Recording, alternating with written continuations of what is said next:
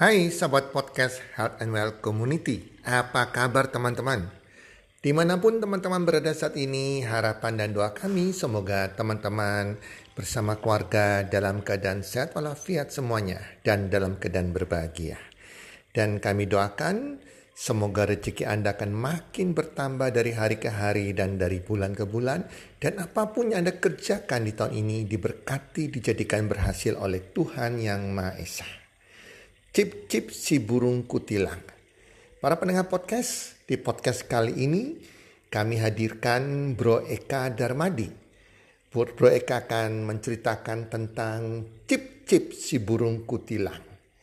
Teman-teman, kadang di kehidupan kita, kita bisa belajar hal-hal yang sangat sederhana yang dari kehidupan.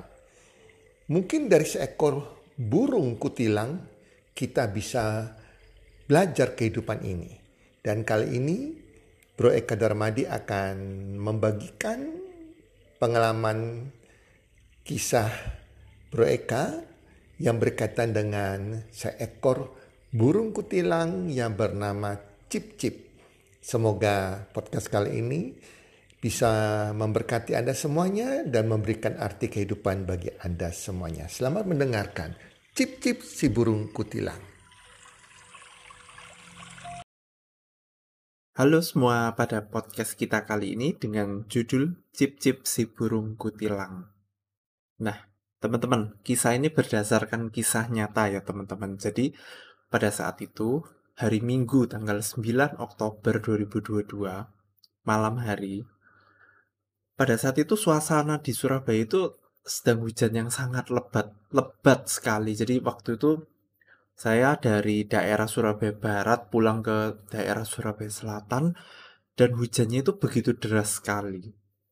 Nah, pada saat saya dan Kalista dan Cecilia kita sampai di rumah, pada saat itu kita lihat ada seekor burung jatuh. Ada seekor burung kecil yang pada saat itu mungkin diduga usianya baru sekitar lima hari. Jadi ada burung kecil jatuh dan kondisi burung itu sedang dirubung oleh semut. Jadi semut merah yang besar, ada semut hitam. Dan burung itu benar-benar tidak berdaya dan hanya seperti merintih kesakitan. Karena dia digigit oleh semut-semut tersebut. Nah, pada saat itu kami berinisiatif untuk menyelamatkan burung itu. Kita ambil burung itu kita bawa masuk ke rumah dan kita bersihkan dari semut-semut yang berusaha menggigit si burung tersebut. Nah, pada saat itu setelah kita berhasil untuk membersihkan semut-semut itu, kita melihat kondisi burung ini begitu lemas, bahkan dia tidak membuka matanya, hanya kita melihat ada denyut jantung seperti itu dan kemudian uh, teman kita berkata bahwa Kasihan sekali burung ini. Mungkin kalau dia bisa bertahan hidup sampai besok aja, udah sebuah keajaiban tersendiri. Nah, singkat cerita, pada saat itu, entah kenapa di rumah itu tiba-tiba, ya bukan tiba-tiba sih, tapi lebih tepatnya ada kardus, ada sarung tangan, ya kan? Padahal biasanya itu nggak ada, tapi hari itu tuh ada. Jadi kayak seolah-olah kayak Tuhan itu kayak menyediakan untuk untuk kita menyelamatkan si burung kecil ini. Nah, pada saat itu oke okay, kita taruh burung itu di dalam kardus ya dengan ala kadarnya kita kasih masker untuk jadi kayak sebuah selimut untuk untuk burung ini. Oke okay, dan hari sudah malam dan kita semua pulang dan beristirahat. Nah, keesokan harinya, kita tidak memiliki suatu pengalaman untuk merawat burung sama sekali. Tidak ada di benak kami terbesit sedikit pun untuk memelihara seekor burung. Jadi kita ini jujur kita tidak tahu apa-apa.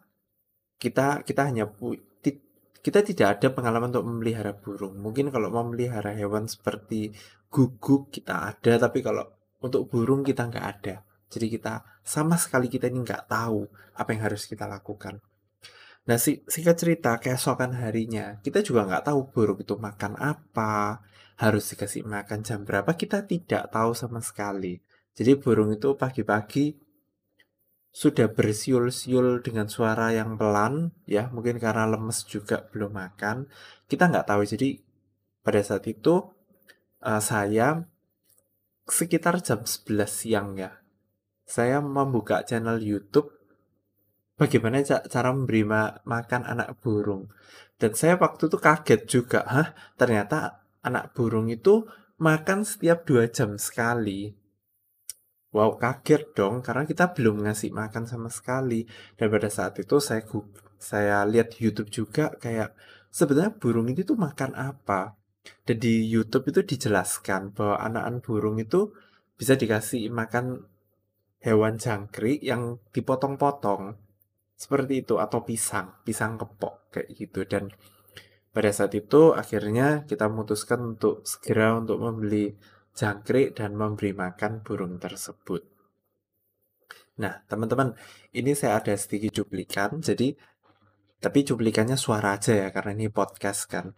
Jadi pada saat itu kita ini kalau setiap kali kita ini bilang cip cip cip cip ya kan, burung ini tuh selalu membuka mulut dan bernyanyi-nyanyi. Nah, nyanyinya itu seperti apa? Seperti ini teman-teman.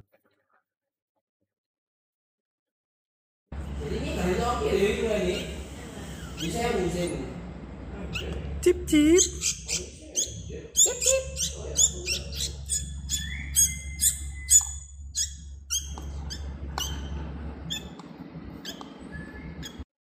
Nah, seperti itu teman-teman. Jadi itu adalah suara si burung ketika kita bilang cip cip cip cip. Nah, dia akan buka mulut dan mengeluarkan suara seperti itu dan itu menunjukkan bahwa dia itu lagi lapar dan dia ini butuh makanan.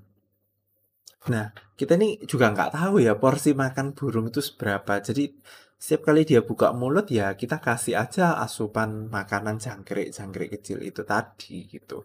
Oh ya teman-teman, by the way, chip-chip ini kita buatin Instagram buat teman-teman yang pengen tahu modelnya itu seperti apa.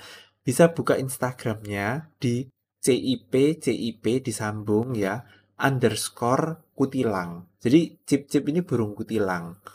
Gitu teman-teman. Jadi teman-teman bisa lihat uh, di Instagramnya CIP CIP underscore kutilang. Jadi kalau pengen tahu modelnya seperti apa.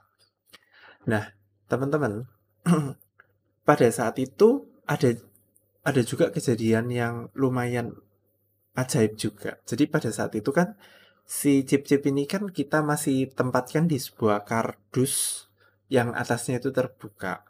Nah, pada hari pada hari itu saya itu punya punya keinginan untuk membelikan sebuah kandang yang terbuat dari besi untuk burung ini. Nah, pada saat itu kandang itu datang pada hari itu dan kalian tahu teman-teman, malamnya itu ternyata ada tikus itu. Jadi saya nggak bisa bayangin kalau hari itu kandangnya nggak diganti jadi kandang besi, mungkin burung ini sudah jadi santapan untuk tikus seperti itu. Jadi kayak apa ya kayak wow kayak Tuhan itu mungkin kasih kesempatan kedua atau ketiga untuk burung ini kayak gitu sehingga di digerakkan untuk, untuk uh, kita manusia ini digerakkan untuk membeli sarang burung untuk untuk menjaga supaya burung ini itu tetap apa ya tetap aman kayak gitu.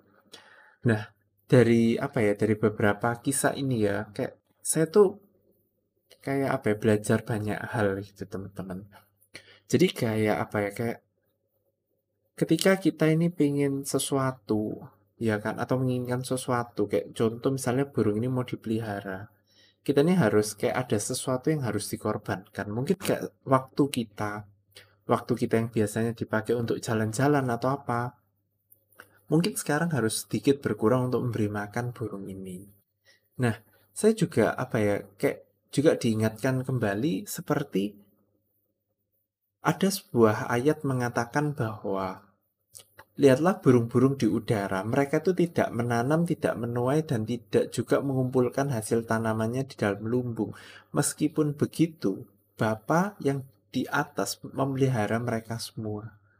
Nah, pada pada saat ini kayak saya diingetin kembali kayak apa ya kayak kadang kita sebagai manusia itu kadang khawatir kan, khawatir akan hari esok dan sebagainya. Tapi kayak seekor burung ya, burung kutilang ya, yang jatuh itu pun aja kayak Tuhan itu bisa kirimkan dalam hal ini kayak saya, Kalista dan Cecil gitu ya untuk untuk apa ya menyelamatkan si burung ini gitu loh. Apalagi kita sebagai manusia, kita ini pasti lebih berharga daripada burung-burung itu tadi.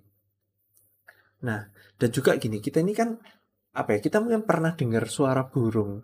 Tapi ketika saya pelihara si burung namanya cip-cip ini, saya jadi lebih notice, lebih bisa mendengar oh ternyata suara burung itu seperti ini. Oh, seperti ini tuh mungkin dia lapar. Oh, mungkin dia ini lagi merasa sendiri. Jadi kadang kalau misalnya hujan deras atau apa gitu ya, si burung ini tuh kadang kayak kayak mungkin kayak bilang kalau dia ini lagi takut atau apa, minta ada manusia yang turun atau atau mengunjungi dia kayak gitu. Nah, teman-teman, semoga dari sebuah uh, cerita sederhana tentang si burung cip-cip ini kita semua diingatkan kembali kalau apa ya, kalau kalau Tuhan itu care dengan kehidupan kita gitu loh. Bahkan burung kutilang aja dipelihara, apalagi kita semua. Dan ketika kita mungkin mendapatkan sesuatu yang baru ya kayak misalnya uh, saya mendapatkan apa ya harus memelihara burung kayak gitu mungkin kita nggak ada wawasan kita nggak ada pengetahuan tentang hal itu dan mungkin kita juga merasa nggak belum siap gitu loh. Ya mana ada kayak aku belajar mempersiapkan diri untuk tiba-tiba untuk ada burung yang terdampar kan juga nggak ada gitu loh. Tapi percayalah meskipun dengan ketidaksiapan yang kita punya gitu loh pasti kita itu sebagai manusia ya kita itu punya uh, apa ya istilah punya ruang untuk kita tuh belajar hal-hal yang baru gitu loh. Nggak apa-apa meskipun pada saat itu mungkin si burung kita taruh di di sebuah kardus kita kita mungkin nggak paham kalau pada waktu itu burung pada usia tertentu dia harus bertengger ya kan di kardus kita kan dia nggak bisa bertengger meskipun itu pun ya terlepas dari ketidaksempurnaan kita tetap si burung ini tetap apa ya jadi burung yang tumbuh dengan sehat ya. Dan karena dari kecil udah dirawat jadi burung ini tuh adalah burung yang jinak begitu teman-teman. Dan teman-teman bisa lihat di Instagramnya burung ini tumbuh dengan sehat dengan dengan baik kayak gitu loh. Meskipun dirawat dengan seseorang yang apa ya yang nggak punya background sama sekali untuk memelihara si burung ini.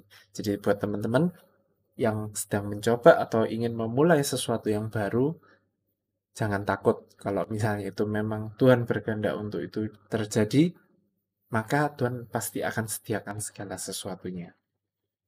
Oke teman-teman, sekian podcast kami hari ini. Sampai jumpa di episode-episode selanjutnya. Dadah!